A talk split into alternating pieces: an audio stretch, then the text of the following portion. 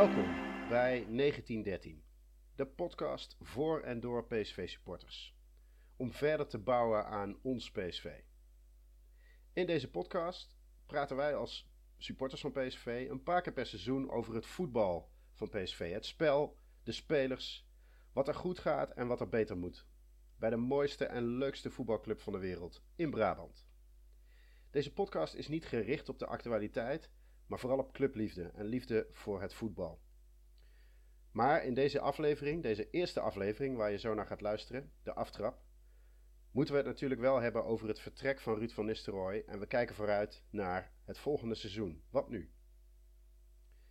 Wij zijn er wel doorgewinterde supporters, maar we zijn nog podcastbeginnelingen. Het geluid kan hier en daar echt nog wel beter en er zijn vast andere tips die jullie ons mee kunnen geven. Doe dat vooral in de comments, waar je deze podcast vindt of via Twitter. En abonneer je op onze podcast. Zoals gezegd, we komen niet wekelijks met een nieuwe aflevering, maar elke keer na een aantal wedstrijden of een belangrijk moment in het seizoen. Als je je abonneert, vind je ons altijd als we een nieuwe aflevering hebben.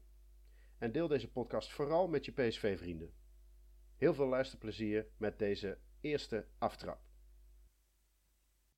Welkom, welkom bij de 1913 podcast, de podcast voor en door PSV-supporters. Een nieuwe podcast over voetbal, daar zijn er al heel veel van, maar er zijn nog niet zoveel podcasts over PSV. En vooral niet over het spel van PSV, over de voetballers van PSV en de hele, hele beleving van de mooiste club van de wereld. Ik ga hier met drie supporters, medesupporters, zit ik aan tafel. Uh, en ik ga met jullie praten over uh, alles wat met PSV te maken heeft. Naast me zit uh, Elro. Ja, klopt. Hoi Elro. Ja, ik kan me, zal me voorstellen. Nou, ik ben Elro. Werk, nou ja, of in ieder geval, ik doe af en toe ook wel eens een podcast voor voetbalflitsen. En ik ben actief op Twitter. En daar deel ik met alle liefde mijn mening over PSV. En eigenlijk ook over een aantal andere clubs. Um, en dat, ja, dat doe ik eigenlijk al een paar jaar en dat vond ik heel erg leuk. En, nou ja, en zo hebben jullie zeg maar ook leren kennen. En toen kwam dit initiatief en dat uh, werk heel graag aan mee. Dus uh, heel goed. En ik zit tegenover Mark. Hoi Michiel. Hoi, kennen we jou ook van Twitter? ja, toevallig wel. Ik zit op Twitter. Uh, Heroine heet ik daar. En ik doe daar regelmatig doe daar stukjes op posten, analyses, tactische zaken over PSV. Eigenlijk vooral meer een inhoudelijke blik geven over wat ik van PSV vind. En het uh, doel van deze podcast is eigenlijk een beetje om uh, een beetje slap te ouwen over PSV, maar wel wat dieper erop in te gaan. Ja. En, uh, eigenlijk jouw tweets, maar dan in audio. ja, dat is eigenlijk, ja, eigenlijk een luisterboekvariant. en, en hij is de jongste, maar hij heeft wel de meest verstandige tekst. ja. Dat moet we erbij zeggen natuurlijk. En wie dat zegt is Marien. Ja, ik ben Marien. ja, ik ben al jarenlang PSV supporter. En dat was ik eerst een beetje ondergronds tot ik online kwam. Dus wat meer in tweets ging doen. Uh, dat is maar 140 tekens en ik praat liever wat uitgebreider en lang over PSV, omdat het zo'n mooie club is. Het is toch de club van uh, Michael Bal, Michael Reiziger en van Andy van der Meijden. nou, als je daar uh, dat als club hebt gepresteerd, dan is het altijd de moeite waard om te blijven volgen. Ja. En ik ben Michiel Verkoelen, ehm, ook bekend van Twitter, van ja, tweets die echt iedereen leuk vindt over politiek en over zorg. Uh, en tweets die, uh, ja, wereldberoemde tweets ook over voetbal. Jeroen ja. Zoet, onder andere. Ja, wat noemen ze? Shit. Uh, maar ik vind het leuk om, ja, wat ik zeg, met jullie over voetbal te gaan praten, over PSV. het mag af en toe scherp. We gaan echt praten, ja, iets meer inhoudelijk. We gaan iets minder worstenbroodjes eten. We gaan iets minder op de actualiteit in. we gaan deze podcast maken voor PSV-supporters. zullen we niet elke week doen. dus hier vind je niet de laatste nieuwtjes. Maar je vindt hier wel het echte supportershart en ook een, uh, ja, een analyse van hoe het voetbal is wat bij PSV gespeeld wordt. En dan hadden we dit al uh, een tijdje gepland om vanavond voor het eerst bij elkaar te gaan zitten. Uh, en gisteren gebeurde er in één keer wat. Dus dan moeten we toch even over de actualiteit hebben. Elro, wat vond je van het nieuws gisteren? Ja, en het nieuws, want misschien dat niet iedereen het uh, heeft uh, begrepen, maar Ruud van Nistelrooy is opgestapt en dat was dus uh, gisteren. Um, ik was dus aan het werk en ik had een call. Ik, eigenlijk de hele dag heb ik ook calls voor van alles en nog wat. En op dat moment kreeg ik op mijn telefoon Ruud van Nistelrooy opgestapt. Ik heb eigenlijk al mijn apps uitstaan, behalve als er echt groot nieuws is. Dan mag je bij mij zeg maar binnenkomen. Dus Ruud van Nistelrooy opgestapt bij PSV. Nou, en ik ben eigenlijk niet in het afgelopen jaar echt overtuigd geweest van Ruud van Nistelrooy. En dan druk ik me nog zachtjes uit. Ehm, Dus, was je opgelucht? ik was heel erg opgelucht. Ik heb nog net niet de vlag buiten gehangen. Maar ik was dus, het enige nadeel was dus mijn concentratie volledig kwijt. Dus ik was aan het werk en ja, ik moest nog 25 minuten. En ik denk, ai, hoe gaan we dit doorkomen? Want ik kon ook moeilijk daar een beetje op mijn telefoon gaan zitten kijken. Ehm, maar ik heb het gered.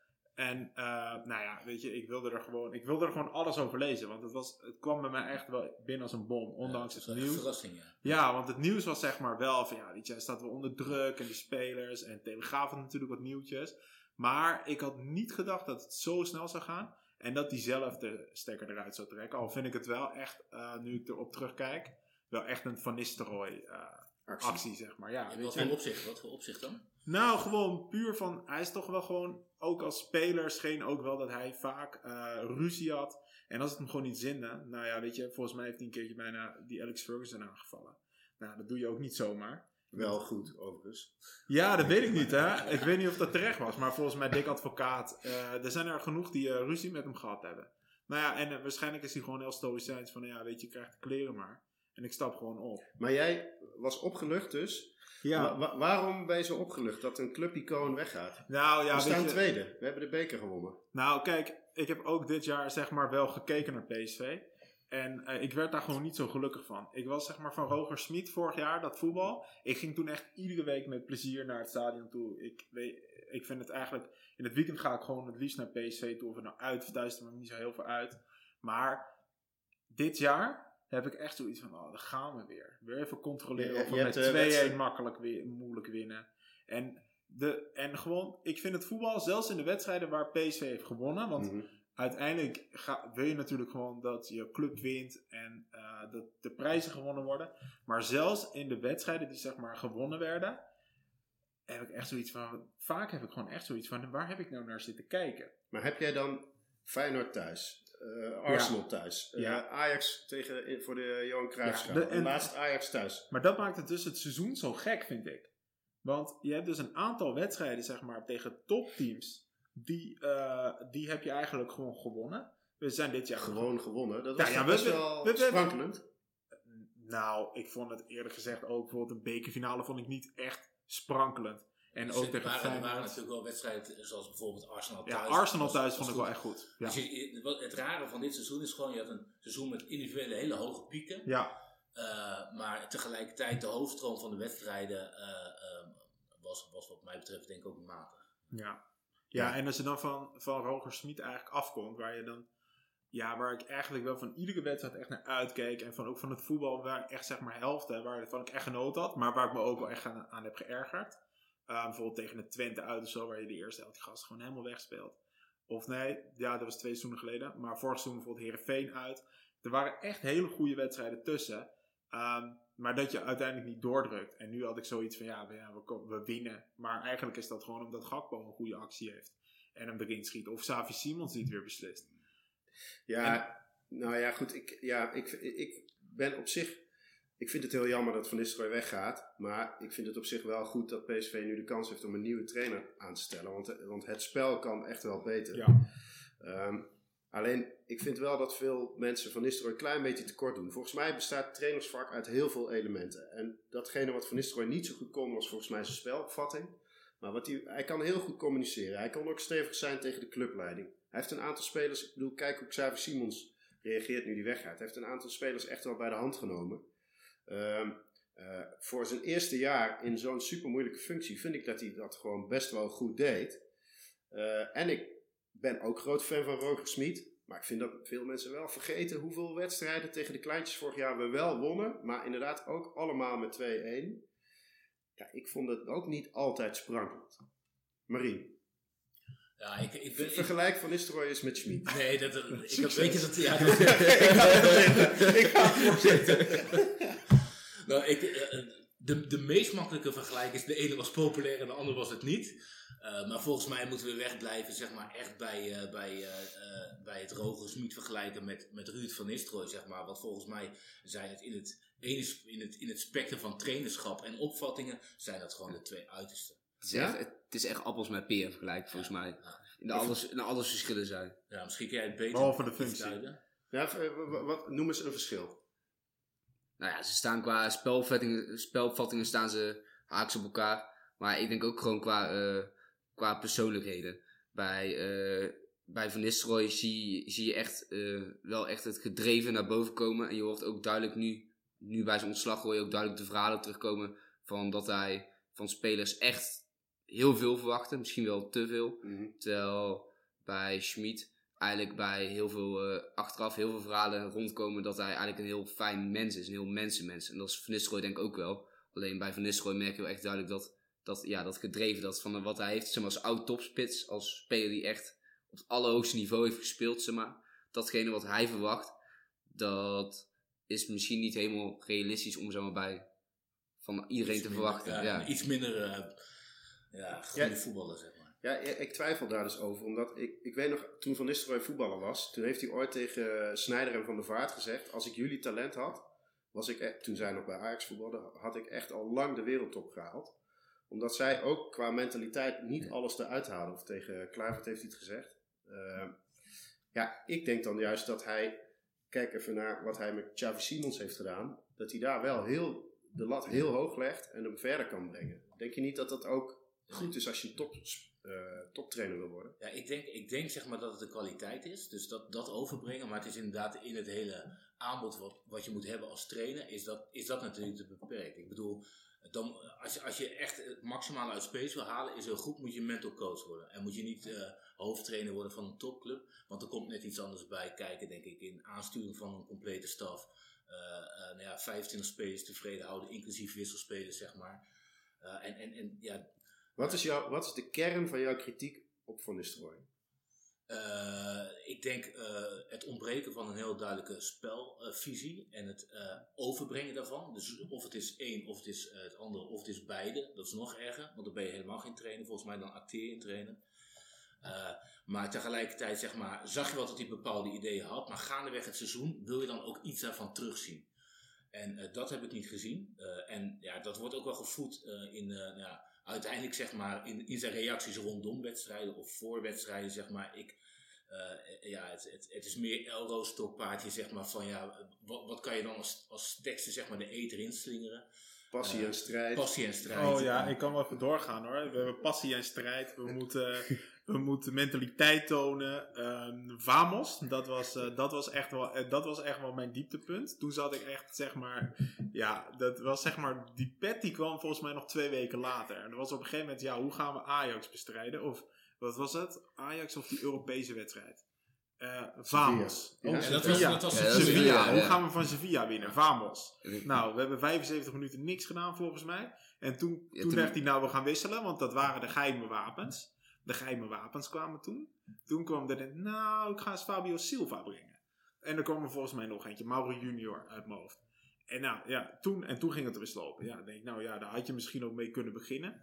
Ehm, Hij had toen volgens mij ook na Sevilla, na, die, eh, na, die, eh, na de laatste duel, zeg maar dat 3-2 eh, was verloren, op die persconferentie toen zei hij ook van, ja, hij kwam net jongens Rakitic tegen in de, de catacombe en die zei van, ja, goed voetbal met jonge gasten. Ja, dat is mooi man.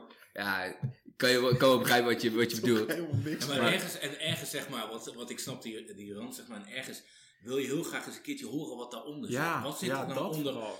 Er is geen concentratie. Wat zit Ja. nou onder? Er, om, het ontbreekt aan inzet, zeg maar. Of op, Maar ik denk wel op- dat dat. dat wat, ik, ik ben het heel erg eens dat je dat hoopt, dat je dat van de trainer verwacht. Maar ik denk dat er maar heel weinig trainers zijn die dat kunnen.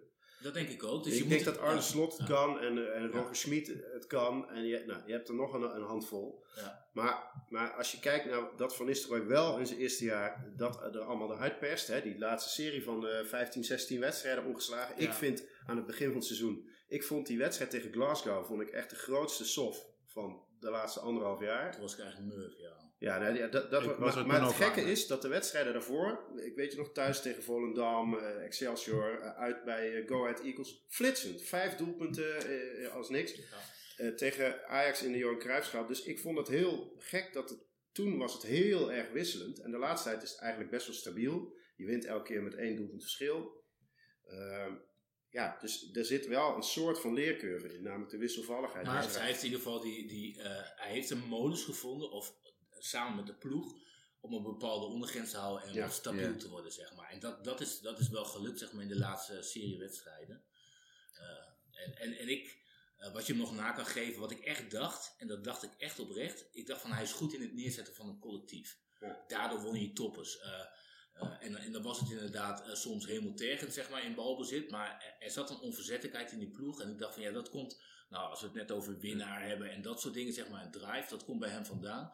En daarom verraste mij, als we dan weer teruggaan, zeg maar, naar het begin. eh, hij is opgestapt. Ja, al die geruchten die dan vrijkomen, zeg maar, die had ik totaal niet zien aankomen. Ja, dat vind ik op zich ook wel interessant. Ja, dat vind ik op zich wel een interessant voor, eh, vraag voor Michiel. Want jij zei namelijk net dat je toch eh Van Nistelrooy toch wel redelijk vond hebben gedaan. Maar als je nou terugkijkt, zeg maar, want ja, het is even los van het spel. Er komen nu de geruchten naar boven dat, dat hij zeg maar, met de technische staf in de clinch heeft gelegen. Dat de selectie eigenlijk niet over, overliep van vertrouwen bij hem. Dat eigenlijk ook de directie niet het vertrouwen in hem heeft gehad of niet heeft willen geven. Ja, dat laatste weet Ja. ik niet. Dat, maar, dit- de, de optelsom van alles. Zeg maar, eigenlijk bijna alle belangrijke figuren, bijna alle onderdelen binnen, binnen de BVO, PSV, zeg maar, waar hij mee samen moet werken, die hebben uiteindelijk toch niet het 100% vertrouwen aan hem waar. kunnen geven. Hoe kijk je daar dan op terug? Dan Ja, nee, daar heb je gelijk. Ik moet ook zeggen dat, dat de laatste weken ging bij mij ook in één keer heel snel de ontwikkeling van dat ik heel lang dacht, nou, je houdt Van Nistelrooy nog net eh, de hand boven het hoofd. Het komt wel goed. We hebben, als er een betere elftal staat en die iets meer nog leert op dat spelpatroon, nou, dan zou het nog wat kunnen worden. Dan dacht ik ook nog, de komende zomer wordt super belangrijk, want dan krijgt Ajax een nieuwe trainer, Feyenoord een nieuwe trainer. Nou, we weten inmiddels dat Feyenoord eh, dezelfde trainer houdt, helaas. Maar dan, weet je wel, dan, dan zou je iets neer kunnen zetten. Maar nu dat naar buiten komt dat er heel veel spelers ontevreden zijn en zijn staf, ja, daar was ik wel echt door verrast. En dat is gewoon niet goed. Ja. Dat is gewoon niet goed. is, is zeg maar, wat er nu is uitgekomen, ontslag of ja, zelf ops- opstappen, is dat dan de beste oplossing? Ja, ik vind van wel eerlijk gezegd. Dus ik vind het eigenlijk best wel cool dat hij gewoon zelf opstapt. In de zin van, ja kijk, als het dan... Want ik merk wel een beetje dat, eh, dat ik vind dat in de media, zeg maar, toch een beetje nou het sentiment heerst van nou PSV jaagt de clubiconen er doorheen. En dat trekt dus echt heel slecht. Want als ik dan bijvoorbeeld vergelijk met Mark van Bommel en nu Ruud van Nistelrooy, heb ik nog steeds gewoon het idee, Ruud van Nistelrooy is toch wel... Ja, weet je, het is natuurlijk niet heel, helemaal fraai gegaan. Maar ik heb nou niet het idee, we zijn de clubicoon kwijt. Nee. En dat dat, had heb, ik dat heb ik ook veel minder. en dat ik, ja. ja, weet je, van ook maar misschien wel omdat hij zelf is opgestapt. Eh, dat hij zelf zo, dat de eer, toch gewoon de eer aan zichzelf houdt. Van, nou ja, weet je, prima. Als, als jullie het vertrouwen niet hebben, dan kan ik gewoon beter zelf gaan. Ja, ik, ik vind er twee dingen van. Ik vind dat eh, wat er bij hem altijd wordt gezegd is zo'n eigen persoonlijkheid en ook eigenwijs. Wat ook bij Van Basten werd gezegd. Dat vind ik nou juist slecht. Dat, dat maakt je dus niet geschikt als trainer. Want als jij verantwoordelijk bent voor een club, dan kan je niet zeggen: Ja, ik heb het nou gehad en ik ga nu drie dagen voor het einde van de competitie weg. De- de- hij had dat kunnen doen, maar dan had hij een week moeten wachten. Dat had ik sterk gevonden. Eh, en gewoon nog even Ja. tegen AZ een puntje eruit rammen en dan. eh, eh, maar, maar dat hij dit nu doet. Ik bedoel, ik snap het wel vanwege zijn ego en zijn mentaliteit. Maar dat, dat vind ik nou juist niet de kwaliteit van de trainer. Maar Nee, maar de- dat staat zeg maar voor mij los of we een clubicoon kwijt zijn. ja, nee, ben Dat, ik met je dat, eens. dat is, hem, dat, dat is hem eigenlijk kwijt. een meer, zeg maar. We zijn gewoon een trainer kwijt. Ja, voor mij Maar we is... zijn, zeg maar, kijk, Mark van Bommel, ja, daar heb ik echt moeite mee. Ja, ik niet. Echt niet gewoon eens. fysieke, fysieke pijn als ik die man bij eh, FC Antwerpen kampioen zie worden. Dus Echt waar? Ja, daar heb ik echt heel veel moeite mee. Ik, ho- ik, ik zit gewoon FC Antwerpen te kijken in de hoop dat ze iedere week verliezen. Kijk je FC Antwerpen? Ja, als, eh, nu zeker, want ze kunnen kampioen worden. Van de week tegen dat Union, volgens mij. Nou, dat wordt spannend. heb je dan ook zo'n voodoo-poppetje erbij van Mark van Bommel? Nou, bank zo, eh, ja, ik weet niet, ik wil Ja, niet meteen de sfeer zo neerzetten in deze podcast, maar het scheelt niet veel. Nee, maar ik... eh, eh, eh, ja, goed. Ik vond, dat, dat vond ik nou weer niet zo sterk. Maar wat wel fijn is, is dat als je, als je inderdaad een, een clean break wil maken, als je iets nieuws wil doen, ja, dat, die kans heb je nu wel als PSV. Ja, en daar, daar ben ik wel opgelucht geworden. Want eh, Ja. vanaf het begin af aan, eh, ik, ik- nou, ik denk dat ik wel twijfel direct bij het begin. Van op basis waarvan komt PSV, zo'n grote club, nou bij de trainer van Jong PSV eh, uit. En, en wat heeft hij dan voor opvallends bij Jong PSV gepresteerd? Nou, dat kon ik allemaal niet terugzien, dat kon ik niet, niet pakken. Dus daar had ik al wat twijfels over. En na die eerste wedstrijd dacht ik ook wel van, ja, volgens mij is dit een lange doodlopende weg. Eh, ik, ik had ook ja, eigenlijk op een gegeven moment zat ik zelfs in een rare stretch of reflex. Dat ik dacht van ja, moeten we nou bijna beter Dennis worden zodat dit stopt? en dat we voor de lange termijn eh, andere beslissingen kunnen nemen? Of moeten we nou tweede worden en dan ook hopen dat het stopt? Nou, uiteindelijk zeg maar, is het nu opgelost. Eh, eh, en kunnen we het denk ik anders positioneren. Wat ik wel, wat ik, wat ik wel echt, echt schandalig vind is, of schandalig, is wel zeg maar de wijze waarop een, een ervaren eh, algemeen directeur in de, de ja, zeker met het seizoen wat er eigenlijk eh, is ontstaan, zeg maar in de val is gest- ge- gestapt om zo'n jonge ervaren trainer aan te stellen. Ja, maar dat- dat-. Dat, dat is wel goed dan. Laten we even verder kijken naar wat er mis is gegaan. Want het is niet alleen Ruud van Nistelrooy. Maar de directie. Want wat, eh, wat, ma- mag ik even teruggaan ja, ja. op die persconferentie? Wat vonden jullie daarvan eigenlijk? Nou, ik heb de stukjes gezien. Eh, Tijdens die ik- call van je van eh, Nou, 25 nee, nee, ja, nee joh, nee, maar het was om vier uur volgens mij. Ik had- Ja. Waarschijnlijk had ik toen ook een call, ik weet het niet meer. maar ik heb de stukjes gezien en eh, ja, weet je, ik zie die brands, nou, daar erg ik me al helemaal kapot aan die vent. Want dat vind ik, ja, weet je, daar heb, ik, daar heb ik überhaupt vanaf het begin al moeite mee. Het lijkt hem allemaal weer te overkomen, net als toen met John de Jong. En eh, ja, en hij had allemaal enorm veel vertrouwen en het was allemaal zijn eigen keuze. Nou, weet je, daar heb ik altijd... eh, Ehm, dus, dus, dus dat eh, neem ik al eigenlijk niet zo heel serieus. Maar ja, dus, dus daar heb ik altijd met Marcel Brands heb ik eerlijk gezegd ook niet echt, eh, daar heb ik ook niet echt een hoge pet van op. ik ga straks vragen wie je wel eh, goed vindt van PSV. Ja, ik, Ja. ik- Bart Bart van de Heuvel of zo. volgens mij wordt dit de Elro Rent podcast. nee, ja. Maar, Nee, maar, maar ja, Mark, hoe, hoe, hoe kijk jij naar de persconferentie? Ja, ik, ik heb het gevoel dat, die, dat zo'n persconferentie gewoon altijd een hele grote podcast is. Het, het is best wel, het is denk ik best wel een precaire zaak geweest. Eh, het is best wel kwalijk zeg maar, als, eh, als, een, als een krant eh, publicaties maakt van spelers die zeggen dat de trainer eigenlijk niet voldoet. Dat is best wel, het is best wel heftig. Het zijn best wel he- heftige Mm. aantijgingen. En ik denk dat in deze situatie moet je als club zijn. Dan moet je gewoon zorgen dat je de boel een beetje kan lijmen. En dat je zowel het imago van de club als zeg maar, ook het imago van de spelers, van de selectie, wil kan beschermen. En ik denk ook het imago van, ja, in dit geval van Ruud. Ja. En ik heb het gevoel dat er echt wel veel meer afgespeeld heeft. Want ik heb, eh, ik denk niet dat, eh, ja, ik, ik, denk, ik denk niet dat het zomaar naar buiten is gekomen. Ik denk wellicht dat er wel iets echt is gebeurd. Het, En- lijkt, het lijkt bijna een ja. politiek spel. Ja. En ik heb ook best wel wat. eh, ik zat gisteren bij. eh, ik zat voetbal voetbalpraat te kijken gisteren bij ESPN. En daar zei ze ook terecht de vraag van. Als die spelers zeg maar, over de trainer naar de AD stappen. Dat is niet alleen zeg maar, om, eh, om te vragen of een assistent moet blijven. Dan moet er echt iets serieus gebeurd zijn.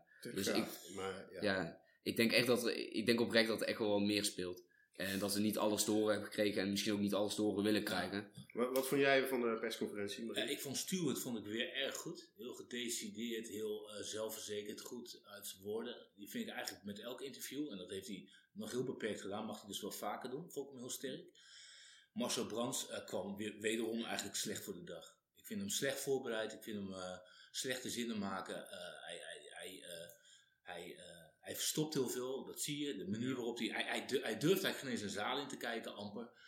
Ik vind, het gaat te ver om zeg maar, op basis van non-verbale communicatie, want zover ga ik niet in die wetenschappen om hem onbetrouwbaar te achten. Maar ik vind hem nou allemaal niet zo heel zelfverzekerd en, en nou ja... Nou, la- laat, ik, laat ik dan het weer, maar weer heel even de rol opnemen om het een klein beetje voor hem op te nemen. Want ik vond deze persconferentie, of de, eh, toen John de Jong wegging, had, gaf hij een interview of eh, sprak hij met een paar journalisten. Dat vond ik veel minder.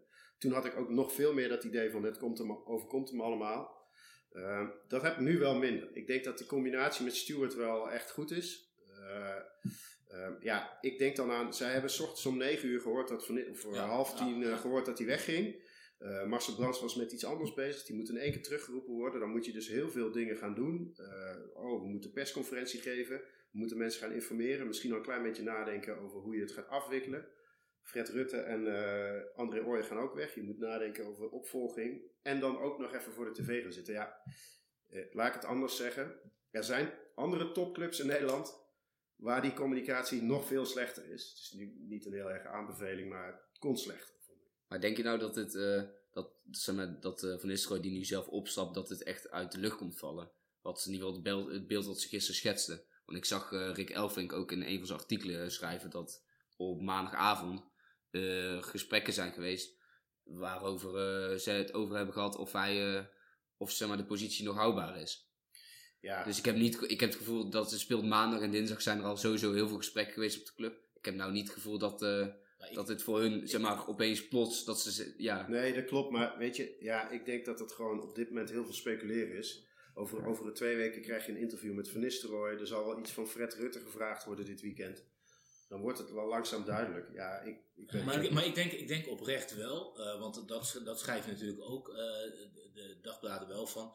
eh Ruud van Nistelrooy heeft eigenlijk heeft hij meerdere malen, of dat één of twee keer, maar in ieder geval tenminste twee keer is geweest, eh, heeft hij dus eigenlijk al besloten om eerder op te stappen.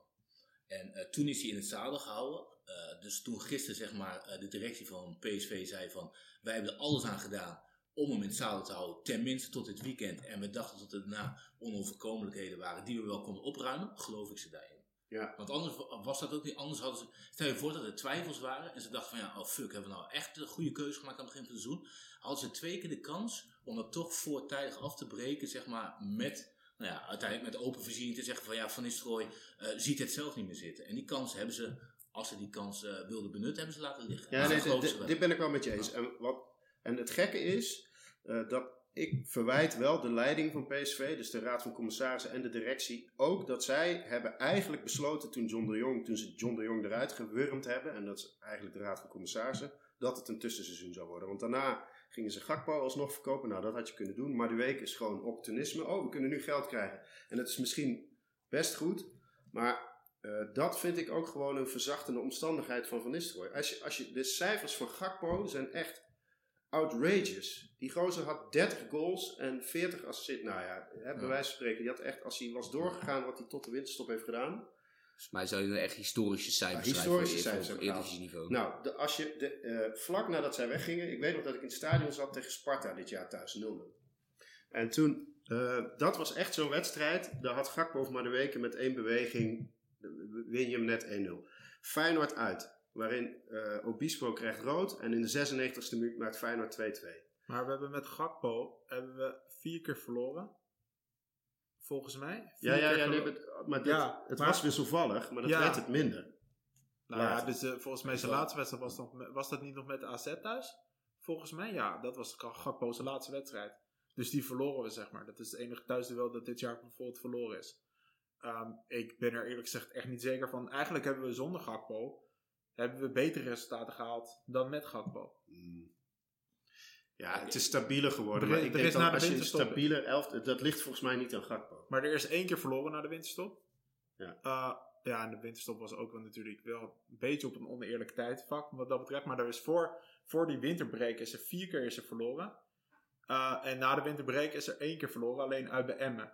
En er is een paar keer gelijk gespeeld. Ik Dus zag, puur... voor de winststop zag ik, dat was de ondergrens was ook echt laag. Dus Ja. dat was Cambuur Groningen. Ja. ja, En de bovengrens was heel hoog en dan hebben we het over 7-0 Volendam thuis, dat soort dingen. Zeg Ja. maar. Ja, en Arsenal. eh, Ja. en zo, Maar ik, ik heb het persoonlijk gevoel dat het na de winterstop nog steeds was. Alleen eh, toen zijn we wel op een gegeven moment hebben, we- zijn we wel punten gaan pakken. En hebben we op een of andere manier wel een soort van eh, gedurende de wedstrijd toch een manier kunnen vinden om toch enigszins eh, stabiliteit te kunnen hebben. Zoals tegen Sparta bijvoorbeeld eh, recent. Dat was gewoon echt dat was gewoon een kutwedstrijd. Dat sloeg echt nergens op. Alleen toen zijn we op een gegeven moment in de tweede helft, toen zijn we gewoon heel opportunistisch gaan spelen, lange bal voorin. En dan valt hij een keer goed. En dan winnen we hem wel. Ja, en waar, waar ligt dat dat- trouwens aan, denken jullie? Want ik heb niet heel erg gezien. Dat, volgens mij uh, Patrick van Arnold is erbij gekomen. Uh, dat scheelde zeker aan het begin, toen hij er net was, denk ik wel iets. Uh, het middenveld is iets anders gaan staan. Het werd duidelijker. Dat, in het begin zat hij te klooien met Joey Veerman. Nou, die, die staat er gewoon nu als eerste in. Uh, Luc de Jong is een beetje meer op dreef. Simons. Simons is natuurlijk na de winststop wel echt de man. Ja, maar, de, ja. maar, maar, uh, daar, Maar maar Simons was niet de reden dat je wedstrijden verloren voor de winterstop. Volgens mij zit hem dat vooral in de verdedigende organisatie. De, ik weet nog tegen Cambuur. De, je hebt gewoon drie counters tegen en staat 3-0. Uh... Ja, ja ik, denk, ik denk nog wel dat je uh, voor, nou, laat ik zo zeggen, voor de winter, zeg maar, onderlinge afstanden, dat soort dingen, zeg maar, daar klopt helemaal niks van. Nee. Dat, dat was soms 50 meter. Ja. En daartussen verzopen twee middenvelders en werd er aan het eind gezegd van ja, ze, ze renden niet hard genoeg. Ja, ja. Wie kan dat, uh, wie kan dat uh, belopen? En uh, dat is minder slecht geworden. Nog steeds zie je grote ruimtes in, in, in dus die, die, die structuren in, in uh, veldbezetting, zeg maar, klopt nog niet altijd. Maar voor de winststop was het bij, bij tijd en wijle echt dramatisch. En zeker op het moment dat het uh, dat je, dat je dan zag van eh, het aanvallende gedeelte moet scoren, of wil scoren, tegen Cambuur uit bijvoorbeeld. En eh, de verdediging was op zijn hoede, ging bij elke counter teruglopen, zeg maar. Dat, dat was niet... eh, en volgens mij is dat iets beter geworden. Nou ja, en, daar en daar zit dus een beetje mijn ja, roze blik op dit seizoen. Dat stel je had dat gewoon opgelost. Ik bedoel, dat heeft dus een half seizoen gekost om die puzzel te leggen. En je had Gakpo en Madueke. Of in ieder geval één van de twee erbij. Zodat niet alle druk op Simons komt. Want waren- die- Dan, waren de voorwaarden in ieder geval beter om, eh, Ja. om eh, Ja. beter te presteren. Ik, ik denk toch dat dat, dat de, makkelijke, de makkelijke gedachte is. Eh, ik denk dat zeg maar, het dit seizoen ook wel weer uitwij- uitwijst. Ook als je bij kijkt van de Ajax. De, de Eredivisie is niet, heel, niet per se heel goed. Zoals wat je in het buitenland ziet, bijvoorbeeld in de Bundesliga. eh, de clubs zitten er allemaal behoorlijk dicht bij elkaar. Als je als club daar zoals een Leverkusen of een Leipzig of een Dortmund een keer een slecht jaar hebt. Dan zak je ook gelijk ver af. Dat is in Nederland niet zo. Als je als PSV of Ajax een slecht jaar hebt, zal je wellicht derde worden. Als je het echt heel bom maakt, word je vierde. Maar dat is het wel. Eh, ik denk dat je echt 95 tot 90 procent van je wedstrijden kan je in principe gewoon makkelijk winnen. Alleen eh, waar een beetje het probleem zit momenteel is dat we niet echt een fundamentele manier hebben gevonden om wedstrijden te kunnen winnen. Daarvoor zijn de vastigheden ontbreken te veel, zijn te weinig patronen in. Eh, ook op tactisch vlak is er eigenlijk geen duidelijke hand te herkennen van wat de trainer wil. We hebben wedstrijden gehad waarin we hoog druk zetten. Zoals tegen Feyenoord was spectaculair. Ja, Ik denk dat NEC uit ook wel een goede wedstrijd was. Ja. ja. Eh, we hebben ook wedstrijden gehad zoals, tegen die, zoals de bekerfinale, waar we niet eens de bal, bal wouden willen hebben. Als wij de bal kregen, dan schoten we in paniek weg en dan zeiden we kom maar. En Ja, eh, dat is prima. Ja, ik daar, volgens mij niet in paniek. Maar gewoon, je wist dat Ajax zo zat te stunten. Ja. Ik bedoel, dat was volgens mij dan nog wel Nee, bewust. weet dat was dan bewust, maar we hebben ook echt wedstrijden gehad waar we. Bewust niet willen voetballen. ja, bewust niet Ja, willen ja, voetballen. ja, maar omdat je gewoon, omdat je gewoon voelt dat je gewoon dat, dat je de sleutel hebt om van Ajax te winnen. Maar niet alleen tegen Ajax, ook tegen eh, echt kleinere ploegen. Bijvoorbeeld na de winterstop, die wedstrijd tegen Vitesse, die we volgens mij met moeite met 1-0 wonnen of zo. Dankzij een bal van Guus Til van randje 16 die miraculeus erin vliegt, zeg maar. Die wedstrijd zijn we op een gegeven moment van de tweede helft zijn we gewoon echt gaan counteren en gaan inzakken. Dat sloeg, ja... Het, Kun jij eh, Elro zo reanimeren? Ja, ik ben daar dus ook gewoon voor naar Eindhoven gereden. Weet je. dat frustreert mij dus toch gewoon nog het meest. eh. kan een andere wedstrijd moeten noemen. Nee, nou, maar- welke? nee, maar ik- ja, kijk, ik denk dat dat een beetje het probleem is. Dat, dat zeg maar, het, het fundament eronder is te broos. En als je dan zeg maar betere spelers neerzet, dan kan je uiteindelijk misschien wel meer wedstrijden, misschien nog wel meer punten pakken. Alleen niet genoeg om kampioen te worden. Ik denk dat je Maar misschien dat, dat... dat, maar, ja, dat, dat is het volgens mij ook. Want eh, je, je zag zeg maar dat, dat het winnen makkelijk ging door individuele prestaties en niet zeg maar door spelontwikkeling of een tactisch plan zeg maar. Dus, en, en dan ben ik het met je eens zeg maar, dan nodigt de Eredivisie uit om, om dan ook meer en makkelijker potjes te winnen. Want de, de, de Eredivisie is gewoon van minder kwaliteit. Maar juist zeg maar in wedstrijden waarin je dan eh, het verschil zou moeten zien zeg maar in tactisch opzicht zeg maar wa- was dat er eigenlijk niet aanwezig. En volgens mij die ontwikkeling die kan voor de korte termijn even werken, maar voor de lange termijn als je als club zeg maar ja, toch weer richting kampioenschap to- weer, toch weer naar eh Toon zijn eh, top 32 wil zeg maar, ja Mhm. dan, dan komt dit gewoon tekort. Ja, ik, eh, ik, ik volg het wel. Op één ding niet. Ik vind de Eredivisie niet zo zwak. Ik vind dat eigenlijk in Nederland de Eredivisie heel erg onderschat wordt. Volgens mij is het de laatste jaren ook sterker. We zijn nu vijfde of zesde competitie van Europa. Ehm, eh, nou, ja, kijk, kijk naar Twente en Sparta. zijn serieuze clubs gewoon nu. En eh, eh, je hebt een top 4. Die, die nou ja, waar, gewoon vier goede teams die ook Europees goed presteren. Eh, je hebt wel veel zwakke teams, daar ben ik wel eens. Maar vroeger, in mijn herinnering, weet je wel, jaren 90, begin van deze eeuw, had je gewoon een, top anderhalf of een top 2,5. En de rest was echt heel matig. En nu heb je wel zes, zeven teams die serieus voetbal spelen, waar een idee achter zit. Dus ik, nou, ik, eh, Laat ik het zo zeggen. Ik denk dat de Eredivisie inderdaad wel beter is geworden. Alleen het verschil tussen PSV, Ajax en Feyenoord en daarna AZ en dan alles wat erachter komt, dat is nog steeds eigenlijk te groot, zeg maar. Dat, Ja. Ik denk dat dat een beetje het probleem Misschien is. wel, maar ik vind vaak, weet je, de, je, je, eh, eh, je kan in Spanje en, eh, en Engeland beter de. Kijk eens naar de puntenaantallen van Arsenal en eh, City. Eh, dat is een enorm, die, daar zit gewoon 15 punten Ja. tot de nummer 3, zeg maar. Dus eigenlijk is, dat in andere competities ook heel erg. Alleen, Maar, maar dat had hier toch ook gewoon moeten zijn. Het, het- vorig jaar was volgens mij het verschil tussen PSV Ajax Of Ajax, PSV in die volgorde, helaas. En dan kwam Feyenoord volgens mij op een punt of 10, of misschien nog meer. En tien daarna was dat gat zeg maar ook best wel groot. Dat- dat, dat, dat het gat zeg maar zo klein is, is vooral te danken aan het feit dat PSV tegen al die kleintjes heeft verloren. Nou ja, en Ajax heeft nog meer punten zelfs laten liggen. Ja, Dus Tot nu toe wel, ja. ja, volgens mij is het gewoon een heel uitzonderlijk seizoen. Dat is waar. En dat PSV nog tweede kan worden is natuurlijk eigenlijk ook gewoon een wonder met dit, eh, met dit puntenaantal. Ja, het, is op zich, het is op zich wel interessant om even verder te gaan met het eh, draaiboek wat hier achter ons eh, hangt. ja, ja, nee, laten we even Waar vooruit gaan kijken. gebleven? Nou, ja, We hadden het net over, eh, toen kwam al kort over zeg maar, eh Van Nistelrooy en over dat hij ook niet alles in, eh, dat er ook niet alles aan hem ligt. Ik denk dat het op zich ook wel goed te stellen is. Ik denk dat er dit seizoen best wel veel dingen zijn gebeurd die, ongeacht welke trainer je dat had neergezet, Ja. ook als Schmid Ja. had gezeten, Ja. het zou echt een hel geweest zijn om in te werken. Ja. Ja. Ik denk Ja, dat, en dat, ja. de- ik, ik ben daar heel erg kritisch op een deel van de Raad van Commissarissen. Tenminste, wat ik ervan kan lezen in de krant. Eh, want ik eh, kan gewoon. Ik, ik- er is mij nog nooit duidelijk gemaakt dat, PS dat de financiële situatie zo precair was dat je 80 miljoen moest binnenhalen. Eh, dat je John de Jong eruit moest werken. Ehm, ja, dat, daarmee heb je gewoon bewust een heel groot risico genomen door heel veel onrust te creëren. Ik bedoel, eind augustus is het seizoen echt al eh, op streek. Ehm, ja, daarmee heb je een erfenis aan Van Nistelrooy gegeven en, en aan de hele groep. Ja, dat is ook gewoon hun verantwoordelijkheid. Maar eh, volgens, mij, zeg maar, eh, is, is dat ook wel een soort van, het klinkt heel raar, een soort van verrassing geweest aan het begin van het seizoen van Marcel Brands. Ja. Want die is natuurlijk, kijk, kijk Het Toon- overkomt Toon- hem dus weer. Ja, maar Toon, ja, maar- maar hij, hij is natuurlijk aangesteld. Toon is eruit uitgewieberd, want die drinkt koffie en die stapt op, zei hij. Dus die ging eruit. Marcel Brands kwam. En eh, die is daar toen een keertje begonnen, zeg maar, eh, met, met de opdracht die hij moest gaan doen. Die moest eigenlijk, zeg maar, de, de, de, de voetbalorganisatie weer verder brengen. Weer naar een hoger niveau brengen. En volgens mij is hij zich gewoon rot geschrokken. En dat bleek ook wel, zeg maar, aan... eh, de hoogte van de afschrijvingen, ook van oude mislukte transfers, eh, Bruma, Baumkartels, dat soort jongens, zeg Mhm. maar. Tegelijkertijd wa- waren, eh, waren er enorme tekengelden betaald, waren er spelers met enorme contracten, zeg maar, die eigenlijk vrij toegevoegde of weinig toegevoegde waarde hadden.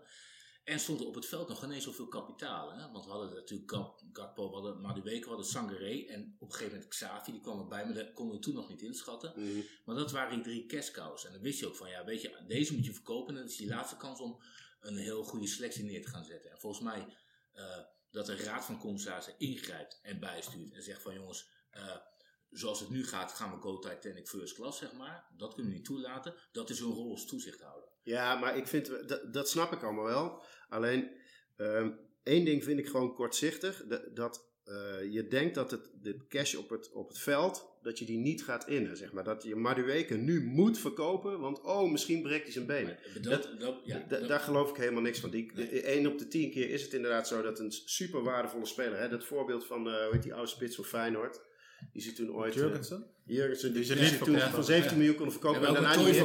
Ja, maar Ja, dat 50 voorbeeld, miljoen Liverpool. ja, dat wordt dan honderd keer genoemd, zeg maar, om, om te zeggen van ja, zie je Ja. wel, als je de kans hebt, moet je meteen gaan. Ja, ik geloof, je wist, ik- dat, je ja. wist dat Gakpo en eh, John de Jong, die wilde de Gakpo dus niet voor 27 miljoen of 30 miljoen aan Leeds verkopen. Drie maanden later heeft hij op de eh, WK gestaan en je kon echt toen zien aankomen dat hij een basisplaats in Oranje had. Dat is een gok, dat ben ik met je eens. Maar als je, je hebt en Madueke en Gakpo en eh, Veerman, Sangaré en eh, nou, er komt altijd nog wel een talent door. Ja, ik vind dat de Raad van Commissarissen een gok heeft genomen door op dat moment te eisen dat er iets moest. En ja, een voetbalclub is niet een bank of zo. Je hoeft Nee, niet... klopt. eh, Maar, maar bij PSV is het gewoon zo zeg maar, dat je één keer per seizoen zeg maar, sowieso een goede speler moet verkopen. Ja. Dat is gewoon om tekorten te dichten. Dat werd Gakpo in dit geval dus niet. En eh, ik denk, maar dat, is- dat speculeren, er zijn afspraken gemaakt bij een goed WK, goede club, mag jij weg. Sure. En maar die weken was natuurlijk ook het verhaal van ja, die jongen die is niet gelukkig meer. Hij wil weer terug naar Engeland. En toen, eh, eh, en toen is 1 plus 1 2 geworden. Alleen, eh, ja, dan kan je wel vraagtekens bijstellen van ja, in hoeverre zeg maar, help je dan zeg maar je trainer? Ik denk het niet. Nee. En moet, je dan niet, moet je hem dan niet ze- zeg maar, meer beschermen daarin in wat er dan om eh, aan machten en krachten vrijkomen. Want hij Ja. kon continu kon op de persconferentie uitleggen van eh, eh, we wisten waar we aan begonnen, we wisten wat de situatie was. En daar mag een directie wel voor zo'n Ja, jonge trainer gaan dus- staan en zeggen van weet je, hier zijn wij. Wij hebben dit besloten. Ja. We gaan er alles aan doen om de selectie te versterken. Maar we, we geven Ruud van Nistelrooy de kans om, om zo door te gaan. Ja, want Mark, jij zei net van Van Nistelrooy lag misschien niet zo goed in die club. En daar heb je achteraf gezien gelijk in gehad. Maar ik vond wel dat Van Nistelrooy gelijk had toen hij een aantal weken geleden even een prikje terugdeelde naar de, naar de leiding. Van eh, ja, eh, misschien is dit wel het maximale wat we eruit kunnen halen. Want toen zij na Gakpo ook maar de weken verkochten, toen nam de leiding ook het besluit, oké, we cashen nu. En daarmee is dit seizoen een tussenseizoen. Ik bedoel, dan, dan ga je niet meer voor het kampioenschap. En dan ga je cashen om deze zomer eh, volgend jaar in de top 2 te eindigen. Ik denk, ik denk sowieso dat, eh, dat PSV in de directie inderdaad gewoon een steek heeft laten vallen over dit gehele seizoen. Eh, Van Nistelrooy heeft inderdaad gewoon op persconferenties bepaalde vragen moeten verantwoorden. Die eh, eigenlijk voor, op het bordje van Brand zouden moeten komen. Ja. We hadden Ja, net ja. ook over wat vonden van de persconferentie. En jij zei ook van, van Brands nou niet communicatief heel sterk. Maar ik heb het gevoel dat we dat eigenlijk al het hele seizoen zien. Ik vind dat Brands echt wel meer op de voorgrond mag treden. Daarop. Ja, dat is gewoon en ook volgens meer mij duidelijk- niet zijn kracht. Ja, Nee, maar is ook niet zo dat erg, Is, dat is wel een bepaalde rol die hij heeft. En als jij, eh, als jij een trainer aanstelt die jong is, in zo'n turbulent seizoen. eh, we hebben net zelf gesteld van zelfs de meest ervaren trainer zou je bijna een kopje jonger gaan. Moet je gewoon als, en zeker als een eh, ervaren algemeen directeur, moet je gewoon jezelf meer profileren en moet je maar uit de wind houden. En dat heeft hij nagelaten. Ja, je bent, je bent namelijk boekbeeld van de club. En zeg maar als algemeen directeur. Je bent de baas. En ja, je moet, ik heb dat inderdaad ook wel erg gemist. En inderdaad ook wel, je moet als directie inderdaad ook wat jullie ook zeggen. Je moet gewoon achter zo'n Van Nistelrooy gaan staan. Je moet elkaar gewoon vasthouden. Ja, ze, dan, hebben eh, nu, ze hebben nu gelukkig eh, ook Stewart. Dus dan heb je ook nog iemand anders die ook de club kan vertegenwoordigen. Ja, uit de, uit de reportages van de afgelopen dagen blijkt ook wel dat. eh je had het over Nistelrooy die dan twee, da- twee keer al heeft, even op het punt heeft gestaan om eruit te willen stappen. Eh, ik las ook, volgens mij stond in VI Pro van Marco Timmer dat. eh, of nee, Pieter Zwart zei dat vandaag in de eh, VI-podcast. Die hebben ook zo'n daily podcast. eh, dat in het interview toen in de winter. Dat. weet Van Nistelrooy ook had gezegd dat hij na de, zeg maar, voor, die winststop, voor die na die laatste wedstrijd ook helemaal uitgeblust was. Dat Ja, ja. ongetwijfeld ook liggen aan wellicht al de frictie die op dat moment bezig was. Maar dat heeft ook ongetwijfeld gelegen aan het feit dat Brands hem niet voldoende heeft gesteund. Of in ieder geval dat er zaken zijn dat Brands als AD niet, zich, niet voldoende heeft geprofileerd. Maar ik vind het op zich wel een interessante vraag. We hadden het net over, eh, over, dan over die verkopen en de rol daarin. Maar dat is even een tussenvraag. Maar kunnen we niet ook gewoon stellen dat John de Jong eigenlijk niet zo'n hele goede verkoper is? Want zoals dit seizoen zou Sangaré zou, verkocht, zou eigenlijk verkocht gaan worden. eh Kakpo zou verkocht gaan worden. Dat iedereen van de zomer had daar gewoon absoluut voor getekend. We hebben, denk ik, een jaar van tevoren hebben we gezien dat Dumfries, iedereen verwachtte, die zou echt weggaan. Ging ook pas op het laatst weg. Malen hadden we van verwacht dat hij heel vroeg voor een goed Ja, bedrag weg zou gaan. Heeft ook lang geduurd. Ja. We hebben daarvoor hebben we een zomer gehad met Lozano en Bergwijn, waar iedereen van verwachtte dat die ja, verkocht zou worden. Dat duurde, Dat ook Lozano. Heel erg lang. Ja, volgens, maar volgens, mij ik heeft, volgens mij heeft PSV sowieso op de een of andere ma- manier een krampachtige eis om, om dat, zo- of ja, wil om dat soort jongens heel lang te houden. Ik denk van, weet je, het is niet erg om gewoon op het juiste moment te kessen. En eh, als je je lijst op orde hebt om gewoon door te selecteren. En, dat lijkt soms wel een beetje de angst. Dat we, dat we iedereen willen, langdurig willen vastleggen. Dat we zeggen, blijf nog een seizoen. Dan krijgen we een ontsnappingsclausule of een afspraak, Ja. zeg maar. En volgens mij moeten we daar meer vanaf. Moeten Gewoon zeggen van... 4,5 miljoen per jaar. Ja, ja, of weet precies, ik ja, van wat, ja. om toch nog Ja. een half jaar bij te tekenen. Ja, Ja, ik ben, ik ben het toch. Ik, ik zie John de Jong is volgens mij enorm gegroeid als technisch eh, manager, was hij volgens mij. In zijn eerste jaar heeft hij evident eh, grote miskopen gedaan. Eh, maar aan het eind vond ik dat niet. Kijk, hij heeft, hij heeft Berg, Bergwijn voor 32 miljoen verkocht. Nou, dat is achteraf gezien Ja, het- best wel knap. Eh, Maar Bergwijn was toen toch bij PSV gewoon, was 1,22 denk ik.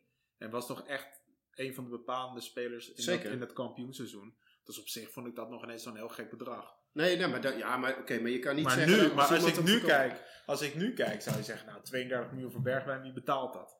Nou ja, ja, er ja. zijn twee clubs. maar, maar, maar, maar, nee, maar, nee, maar ook Lozano. Hij heeft, eh, kijk, ik vind eh, eh, dat hij Gakpo niet verkoopt voor minder dan 30 miljoen aan Leeds. dat is Ja, natuurlijk gewoon volkomen terecht. Dat hij, dat hij Sangaré op de laatste dag niet verkoopt. dus Ja. dat, dat, ja, ik, Nee, dat- ik vind John de Jong Maar, maar er stonden er wel volgens mij ook meer. Nou ja, er waren er volgens mij afgelopen zomer wel meer die zeg maar eh, wel hunkerden naar een transfer. Een Guti, eventueel Mauro Junior, weet je. Dat soort jongens, die hadden het toch wel goed gedaan vorig jaar. Zo hadden volgens mij ook wel wat daar, dat er ook wel wat sluimer in Maar je kan toch ook niet eh, acht, eh, negen spelers eh, verkopen uit je basis? Tenminste, Nee, Nee, maar nee, zoveel zouden er ook niet verkocht worden, toch? Nee. Deze Nee, zomer? dat niet, maar het punt is voor mij meer, eh, voor mijn gevoel, vinden als PSV, ver- als PSV verkoopt, vindt altijd pas echt relatief laat plaats bij Oké, een van de maar denk, je, denk je dat dat... Ja, ik denk dat dat gewoon aan de krachten ligt van de markt op dat moment. Dat Ja. Engeland gewoon... Ja, we staan eh, onderaan de voedselketen. Nou ja, in het midden ergens. Ik bedoel... eh, de, de zesde was het toch? Ja, ja nee, bij Feyenoord komt gewoon spelers uit de keukenkampioen-divisie. Dus, eh, dus je, nou, je, je- maar ik denk dat je er niet altijd te eisen hebt. Ja, Nee, ik, maar- weet niet, ik weet niet of Ja. je het aan John de Jong Maar uiteindelijk zeg maar, want je kan, we kunnen, we kunnen de rol van John de Jong gaan analyseren. Die is nou inmiddels al een seizoen weg. Ja. Dat heeft natuurlijk voor Ruud van Nistelrooy veel betekend. Want dat is iemand met wie hij de, Zeker. samen de voorbereiding heeft gedaan. eh, die zijn vertrouwensband, daar, daar had hij een vertrouwensband mee. Nou, die, die stapt dan op bij gebrek aan vertrouwen. Dat, dat zal Ruud van Nistelrooy nu ook als argument gebruikt hebben. Eh, maar dat heeft natuurlijk veel gedaan. En, eh, en, Laten we- stap je zo dat seizoen door. eh. Laat- nu zijn we aan het eind van het seizoen, bijna. Eh, even vooruitkijken. Nu is er een nieuwe leiding. De, de directie staat stevig, maar de hele trainerstaf is weg. Eh, even maar een rondje doen. Wie, Mark, wie zou jij het liefst als nieuwe trainer willen zien? Niet je naamgenoot. Nou ja, ik eh, zei toen net hier dat ik eh, Henk Vrezen met Noah Lang wel eh, vet zou vinden als optie. maar om een serieuze naam te gooien. Ik, ik zou of kijken voor een buitenlandse trainer. Of als je een Nederlandse naam wil hebben. Dan zijn er denk ik twee opties. Pascal Jansen of Peter Bos. En ik denk dat Pascal Jansen niet haalbaar is. Hij heeft onlangs een contract verlengd bij AZ. En ik denk dat je daarvoor gewoon een grote afkoopsom moet betalen. Een te grote wat in ieder geval PSV zich kan permitteren. Dus ik denk eigenlijk dat Peter Bos momenteel overblijft. Waar- waarom, eh, waarom zou je Peter Bos willen? Ehm, ik denk dat hij een moderne trainer is. Ik denk dat hij heeft laten zien eh, spelers beter te kunnen maken. Met jonge spelers te kunnen werken. Hij heeft bij Ajax heeft hij de licht eh, echt kunnen implementeren en echt beter kunnen maken. Hij heeft bij Lyon heeft hij die rechtsback, Ma Gusto. Bij eh Leverkusen is hij echt wel verantwoordelijk geweest dat Havertz echt die laatste stappen in zijn ontwikkeling heeft gezet om naar Chelsea te gaan. Hij heeft Wiertz heeft hij daar ook de kans gegeven. Brandt heeft hij daar ontwikkeld. Ik denk wel echt dat, wij, eh, dat hij daarin goed is. En ik denk dat ook dat voor PSV belangrijk is. Ik denk dat een van de kritiekpunten die ik momenteel wel op PSV heb, is dat vanuit jong PSV er toch te weinig spelers serieus doorstromen richting PSV 1. En ik denk dat hij daarin wel een katalysator kan zijn. Ja. En hij, hij heeft ook in meerdere keukens gewerkt. Hij is, denk ervaren. Ik denk dat hij wel uiteindelijk wel een hele goede match zou zijn. Misschien niet de perfecte, maar ik weet niet of je de perfecte trainer kan vinden. Marien, Dat is wel, dat is eh, wel een interessant. Ik haal het nog even in hoor. Om, omdat eh, er komt natuurlijk uit jong PSV komt er wel wat aan, zeg maar. Ja. Dat, die, eh, die, eh, Van nou, Duiven, Babadi. Ja, je kan, op het moment dat je daarover hebt en je daar die verder kan ontwikkelen. Ja, dat, dat zou interessant zijn. Ja, ik heb, eh, ik, ik, ik heb het niet zo op lijstjes met trainersnamen. Ik ben er ook niet heel goed in. Eh, ook omdat ik trainers niet heel actief volg. Eh, en eh, eh, vanmiddag had ik daar al even over nagedacht. Ik dacht, ja, volgens mij, volgens mij ben ik wel toe zeg maar, aan een, hele, een heel duidelijke beleidskeuze van, van PSV. Een heel duidelijke visie van waar willen we nou als club, waar staan we voor, waar Mhm. willen we naartoe. De meest uitgesproken visie die we het afgelopen seizoen hebben gehoord was: we moeten over Ajax heen. Nou, dat lijkt een, bijna gelukt te zijn, maar heeft ook niet het meeste succes gebracht. En volgens mij moeten we stoppen met kijken naar dat soort eh, eh, andere concurrenten. Moeten we onze eigen visie vormen. Van daaruit heel duidelijk beleid uitzetten. En uit beleid komt een profiel van een eh, trainer die erbij hoort. Het mag van mij op het bos zijn of welke andere vakman dan ook. En waarin je ook gewoon je transferbeleid gaat vormgeven. En, en dan ook gericht op de lange termijn. Dus niet dat gelul van Toon toen met wat, wat is een goede trainer. Of nee, wat, wat is onze trainingsprofiel. Het is of een goede trainer of een slechte trainer. Eh, want dat is iets in zwart-wit. Maar volgens mij moet je heel duidelijk eh, dat soort speelwijzes in je DNA gaan opsluiten. En dan moet je gewoon eh, op basis daarvan je trainer en je, en je scouting en je, je transfers gaan doen. Elro. Ja, kijk, ik Droomtrainer. ja, ik vind het dus zo grappig. Want jij hebt dus echt alle... Ik, ik wijs even naar Marien voor de, voor de luisteraars. Ehm, jij hebt dus een heel boekje op, jij hebt een heel boekje meegenomen met allemaal aantekeningen. en ik zei, nou ja, ik ga niets voorbereiden. Maar jij hebt dus geen lijstje met trainers opgeschreven.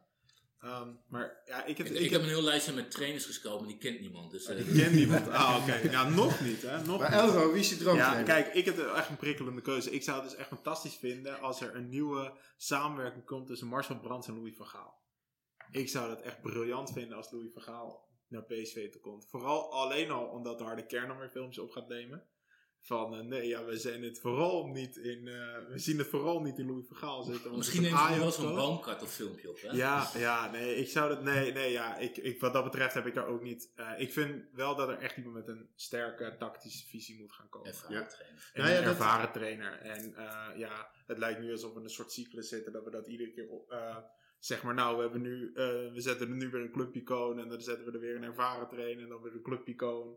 Nou, Nou ja, en zo lijkt het een beetje. Volgens Maar- mij is er namelijk best wel een visie. Want eh, alleen, eh, die, is, die gaat niet heel veel verder dan inderdaad PSV-DNA. Ik word echt Nee. kriegelig daarvan. Want de, de, de, er is een andere topclub in Nederland die het altijd over zijn DNA heeft. En dat is gewoon een knellend corset. Dat is echt vreselijk. Daar moet je nooit naartoe dat je club een strak DNA heeft. En daarbuiten mag je niet komen. Eh, maar dat is dus dat je gewoon... eh, Van Bommel is opgeleid bij Jong PSV, werd hoofdtrainer. Toen ging hij in één keer weg en moest je wat tussendoor doen. Toen heeft John de Jong wel een visie, volgens mij, met Gerbrands eh, eh, geformuleerd. En daar Roger Smit bij gezocht. Ja. En, en, maar toen hij wegging, is dat, zijn ze weer teruggegaan op de oude visie. Namelijk, wij leiden onze trainers op. Ja. Helaas niet met heel veel succes. En dan zou je zeggen, dan is Adil Ramzi de volgende. Eh, en het is ook oneerlijk, denk ik, om de volgende dan af te schrijven, omdat de voorganger gefaald heeft. Mijn keus zou, ik had het gisteren niet gedacht dat ik dit vandaag zou zeggen, maar eh, Dick Schreuder denk ik zijn. Omdat hij ehm, super aanvallend, die heeft dus echt een heel erg vernieuwend, eh, ja het lijkt een beetje op slotvoetbal, aan de slotvoetbal. heel aanvallend. Eh, eh, ook echt vernieuwende concepten bij PEC gedaan. Dat doet hij gewoon ge- principieel. Dat deed hij in de Eredivisie en in de Eerste Divisie. Ja, en ik denk dat je dat gewoon, eh, dat is een visie. Maar En, ik, je- ben- maar ik zou ben je- het met Marien eens. Je moet eigenlijk eerst zeggen: wat voor spel wil PSV spelen de komende vijf jaar? Daar zoeken we een trainer bij en daar ga je spelers bij. Want ik denk eerlijk gezegd wel, als je zeg maar zo'n trainer neemt van eigenlijk toch gewoon een relatief kleine club, dat je daar wel, eh, daar moet je wel wat bij gaan zetten, zeg maar. Eh, want ik denk bij, bij zo'n PC, je ziet het toch, er komt gewoon een heel ander krachtenveld volgens mij. Ja, ja Vrij. ik, ik ben daar altijd een beetje allergisch voor, voor die, eh, voor die woorden. Ja. Want, eh, nou ja, kijk, je, volgens mij Dick Schreuder, je moet wel een ervaren trainer hebben. Die dus niet dezelfde blunders maakt. Maar het maakt mij niet uit of die trainer uit de eerste divisie komt. Of uit de Duitse tweede divisie. Als je maar een ervaren trainer bent. Ehm, eh, want, want de fouten die je maakt, die Van Nistelrooy maakte, was ook gewoon niet zijn eigen staf kunnen managen. Of niet op tijd tegen de directie kunnen zeggen, ho ho, over mijn lijk. We gaan nu niet even iemand verkopen. Of duidelijk maken kunnen naar de spelers, dit is hoe we spelen. En je gaat mee of je gaat niet mee.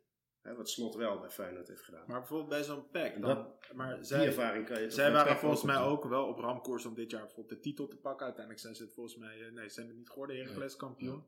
Ja, ja ik, ik denk dat echt als je bij zo'n, je, bij zo'n PSV komt van het PEC, dat eigenlijk gewoon een kleine club is. En waar wat dat betreft een, een stuk minder reuring is. En je komt bij zo'n PSV nou. En er schrijft iedere dag schrijft iedereen over je. En je moet iedere week moet je persconferenties ehm, maken waar iedereen naar kijkt. Nou, volgens mij, ik heb echt het idee. En je moet ook veel meer managen. Hele ander, ander type spelers. waar, Ik denk echt wel dat daar. eh, eh, dat er echt wel een tussenstap nog nodig is. Want ik vond, zou van Jozef Oosting, zou, Ja, ben zou- ik heel benieuwd hoe hij het naar Twente gaat doen. Hij, zou, heel- hij zou een- echt ideaal zijn, of dat zou echt, volgens mij is dat een hele, hele normale lijn. Als dan bijvoorbeeld Pascal Jansen naar, Ja. naar PSV gaat en, en dan eh Dick Schreuder die gaat dan naar AZ. Ja. Ja, dan- maar je dat verschil inderdaad klopt ook wel. Je ziet zelf bij AZ, Pascal Jansen die eigenlijk zegt in die beslissende weken van nu komen de mooiste weken, want eh, nu, kunnen we, eh, nu kunnen we kijken zeg maar, waar het toe leidt. En dat nu kunnen we kijken waar het toe leidt, is bij PSV of Ajax is gewoon van nu moet het ergens toe leiden. Ja, En dat is wel maar iets ja. totaal Ja, en- anders. en Ja, daar- dat zijn uitspraken. Ik, vind, ik kijk gewoon veel meer dat Pascal Jansen en Dick Schreuder, en Dick Schreuder volgens mij nog iets sprankelender, zetten gewoon een spelpatroon neer. En waar, daar hadden wij het eerder over. Hè, je hebt gewoon een basis waar je niet onder valt. En dan kun je topspelers floreren. En bij een AZ is natuurlijk ook gewoon een club die gewoon echt wel vrij goed geleid is. Uh, dus daar lijkt het er wel op alsof gewoon eigenlijk iedere trainer die je daar neerzet, um, dat dat gewoon altijd eigenlijk wel lijkt te renderen. Ik denk dat het een combinatie van is bij eh, AZ. Weet, ze hebben, en denk als eh, club hebben zij een heel duidelijk DNA van wat, wat zij willen doen qua spelprincipes, eh, qua visie, qua beleid, ook qua aankoop en qua aankoopbeleid en dergelijke. Eh, ook qua trainers zie je daar heel duidelijk. Je hebt die cyclus gehad met eerst Van de Brom, daarna Slot, daarna Pascal Jansen. Terwijl Slot en Pascal Jansen die waren, als, ja, die waren assistent Ja, onder ja. Van de Brom. Ja. En Jansen was assistent onder eh, Pascal Jansen.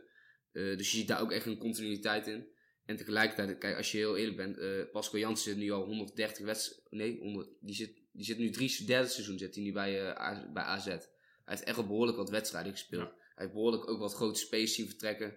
Wat eh, aankopen. Zijn selectie is helemaal veranderd. Ik denk niet dat je inmiddels meer kan zeggen van hij heeft het geluk dat hij bij AZ zit. En eh, Nee, AZ heeft, heeft een goede, Ik kom trouwens club. even terug op wat ik eerder zei, dat PSV niet goed trainers opleidt. Want ze hebben, leiden wel heel goede trainers op voor anderen. Erik ten Hag, Pascal Jansen. ja, die heb ik er allemaal gezeten. Ja, Ja, ja. ja. Ehm, eh, we hebben het gehad over nieuwe eh, trainer. Ehm, wat zou er nog meer moeten veranderen deze zomer? Dat je weer eh, vol plezier naar het PSV-stadion gaat voor Nou, het seizoen. Laten we beginnen in ieder geval dus met de nieuwe trainer. Dat vind ik dus echt belangrijk, want dan krijg je vaak ook weer een beetje moraal. Eh, en uiteindelijk, ja, we zullen waarschijnlijk ook gewoon nieuw aankopen weer. Gewoon een nieuwe, Als je er één nieuwe- mag kiezen. een nieuwe aankoop. Ja, kijk, ik, ben dus, ik heb dus afgelopen week heb ik mijn Twitter profielfoto veranderd naar Noah Lang die op een bal staat. kijk, dat zou ik dus echt fantastisch vinden, weet je. Dat is zo'n gozer, die maakt een heleboel lekker gek. Dat, eh, daar, daar hou ik echt van. Die heeft wel echt PSV-DNA. Ja, nou ja, ik weet niet, eh, ik weet net niet wat voor DNA die heeft, maar... We hadden het net over voorbeeldprofs en dergelijke en dan kon je Ja. Noah Lang aan eh, zetten. Ja. Maar, maar jij zet toch ook Noah Lang met Henk Vrezen? Ja, Ja, maar dat is gewoon meer voor de grap. Zeg maar. Maar wie, wie, welke speler zou Ja, jij... ik, eh, eh, Sven Kramer. nou, ik zou vooral Savi Simons, als we die kunnen houden, ja. als Ja. die zin heeft, dan zou dat de mooiste transfer van deze zomer kunnen zijn. Ik, eh, ik zou zelf, ik zou Branco van de Bomen wel echt heel erg vet vinden.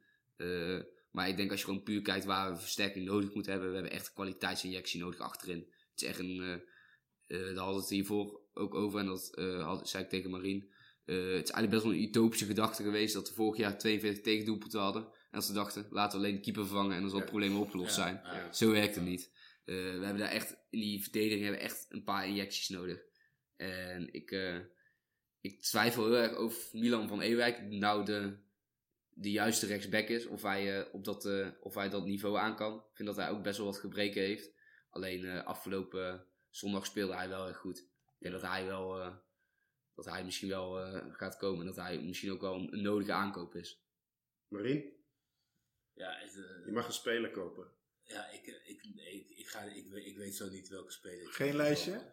Nee, ik heb echt geen lijstje met spelers. Eh, ik denk inderdaad, Xavi Simons, als je die nog een jaartje in het eh Philipsstadion... eh, dat is echt de reden voor mij geweest om deze woestijnreis van dit seizoen zeg maar door te maken. Die heeft dat afgedwongen. Ik heb nog nooit, ik heb gewoon bijna, bijna gewoon een, een kinderlijke idolatie gehad eh, voor, die, voor die jongen. En als je dan kijkt, zeg maar, wat voor een, voor, een- voor een debiele shit die over zich heen krijgt op de socials. Van en andere supporters in andere stadions, maar notabene ook van volwassen analisten. Ja. Dan denk ik van, ja, wat voor verknipland zijn we nu eh, inmiddels geworden met z'n allen. Eh, dat we genezen het talent herkennen en koesteren met z'n allen, die we gewoon wekelijks kunnen zien. Ja, ja nee, eens. Ja, ik, eh, ik zou ook in de verdediging wel een goede aankoop willen. Ik denk overigens ook dat dat een goede nummer 6 kan zijn. Ik had, ja, ik had heel graag Seruki gezien, want het is gewoon een technisch vaardige nummer 6 die ook... Ja, dus het is volgens mij een betere versie van Guti. Die gewoon ook de positie behoudt, maar eh, ja, super eh, vaardig is in het voetbal. Ehm, ik zou het mooi vinden als, eh, als Boscali volgend jaar in het elftal komt.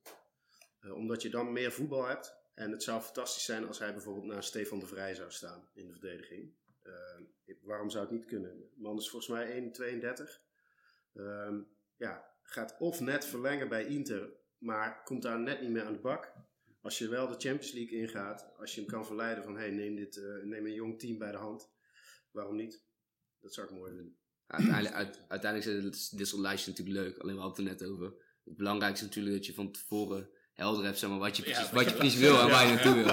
Als jij, zeg maar, een, duidelijk, als je, ja, als jij zeg maar, een duidelijke visie hebt met wat jij wil, zeg maar, dan is het ook heel makkelijk om te identificeren wat voor profielen je nodig hebt en wat je zoekt. Ik denk dat we ook deze zomer gezien met Guus Stil, zeg maar, dat voorbeeld. Ja. Dat is volgens mij best wel vaak eh, naar voren gekomen dat Van Nistelrooy heel graag Guus Til wou hebben. En dat we Ik eigenlijk dit jaar nog- Til niet heel erg op, op gebruikt hebben zien worden hoe Til zeg maar, eigenlijk zou horen, hoe die eigenlijk zou horen te spelen. Zeg maar. Maar hoe zou een Noah Lang in Louis van Gaal worden ontvangen in, in, het PSV, in het Philipsstadion? Maar is er, is, is er vind nog ik steeds... prikkelende gedachte. Ik Ja. vind, maar ik vind Noah Lang trouwens ook best wel leuk. Want Ja. ik ben, iedereen zegt nu dat je de verdediging moet versterken.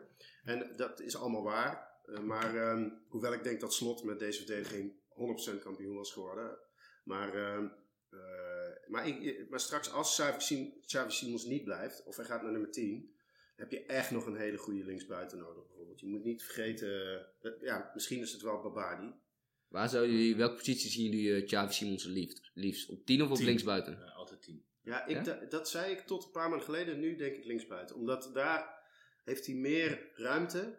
Ik vind dat hij op 10 een beetje verzuipt. Ja, de laatste paar weken als hij op 10 stond, heb je hem heel lang niet gezien. Hij is de laatste weken ook iets minder in vorm Ja. dan hij ervoor was. Ik heb het gevoel dat het ook wel een beetje aan het spel van Van Nistelrooy ligt. Want volgens mij zie je echt vrijwel geen enkele middenvelder. En zelfs als Veerman een goede dag heeft, dan zie je hem ook in binnen wedstrijden half wel, half niet. Ja, vind je? Ja, ik vind hem ook... eh, ik denk echt dat Veerman nog zoveel meer te halen valt. En ook echt uit Simons, valt ook zoveel meer uit te halen.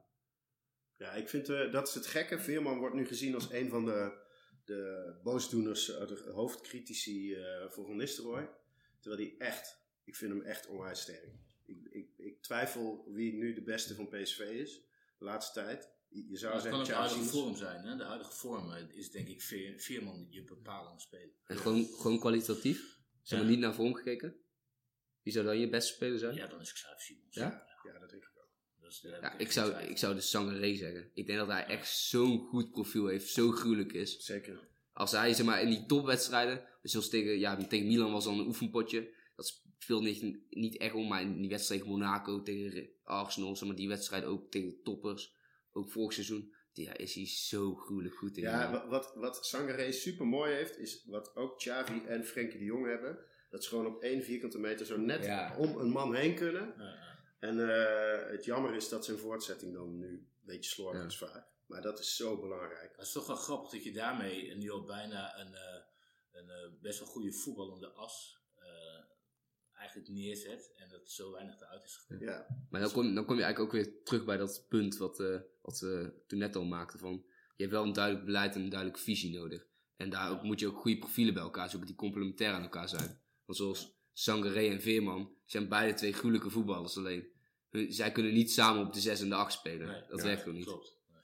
Laatst- Ik, ik wil nog één ding zeggen over, eh, eh, want we hadden het net over eh, hoe bezopen zeg maar, Nederland reageert zeg maar, eh, op Xavi Simons. Jij zei net even Veerman, die wordt genoemd als een van degenen.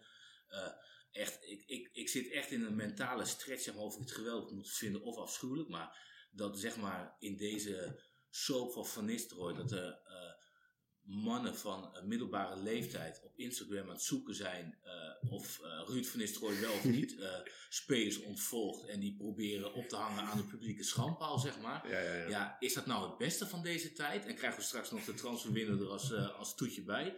Of is dit gewoon echt... eh, het stond op een juice, volgens mij stond het op een juice channel. eh? Ja, maar, nee, maar je, ziet, je ziet dus overal... Dus er zijn gewoon mensen die zitten gewoon als Sherlock op een eigen IP-adres. Zitten ze proberen te, eh, te achterhalen, zeg maar, wat er nu wel of niet gebeurd is. En ik, ik ben nog even mentaal aan het, eh, aan het uitvolgen, zeg maar, wat ik ervan vind. Maar ik ga Ah, er ik heel weet- goed en heel slecht op. Ja. Elro, wat vind jij ervan? Ja, kijk, ja, ik vind dit gewoon een heel mooi verdienmodel.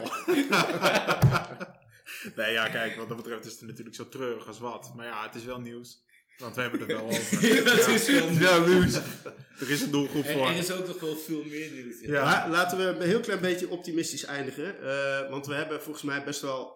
Eh, ja, we maken als PSV'ers een eh, turbulente tijd door. En ook wel. Ja, het gekke is, het is een moeilijke tijd, maar je eindigt misschien toch nog tweede. En er, kan best wel hoop zijn.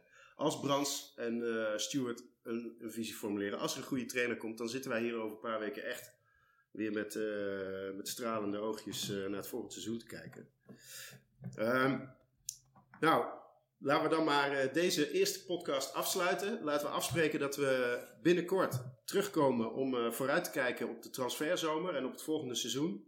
Misschien is er dan iets meer bekend over wie de nieuwe trainer wordt. En we hopen dat uh, veel PSV-supporters en ook andere voetbalfans, mag best, naar ons luisteren. En een beetje lief voor ons zijn, maar wel met opbouwende kritiek komen. Kunnen we dingen nog anders doen? eerste podcast, 1913, voor en door PSV-supporters. Met Mark, Marien, Elro en Michiel. En hopelijk tot snel en tot een nieuw seizoen.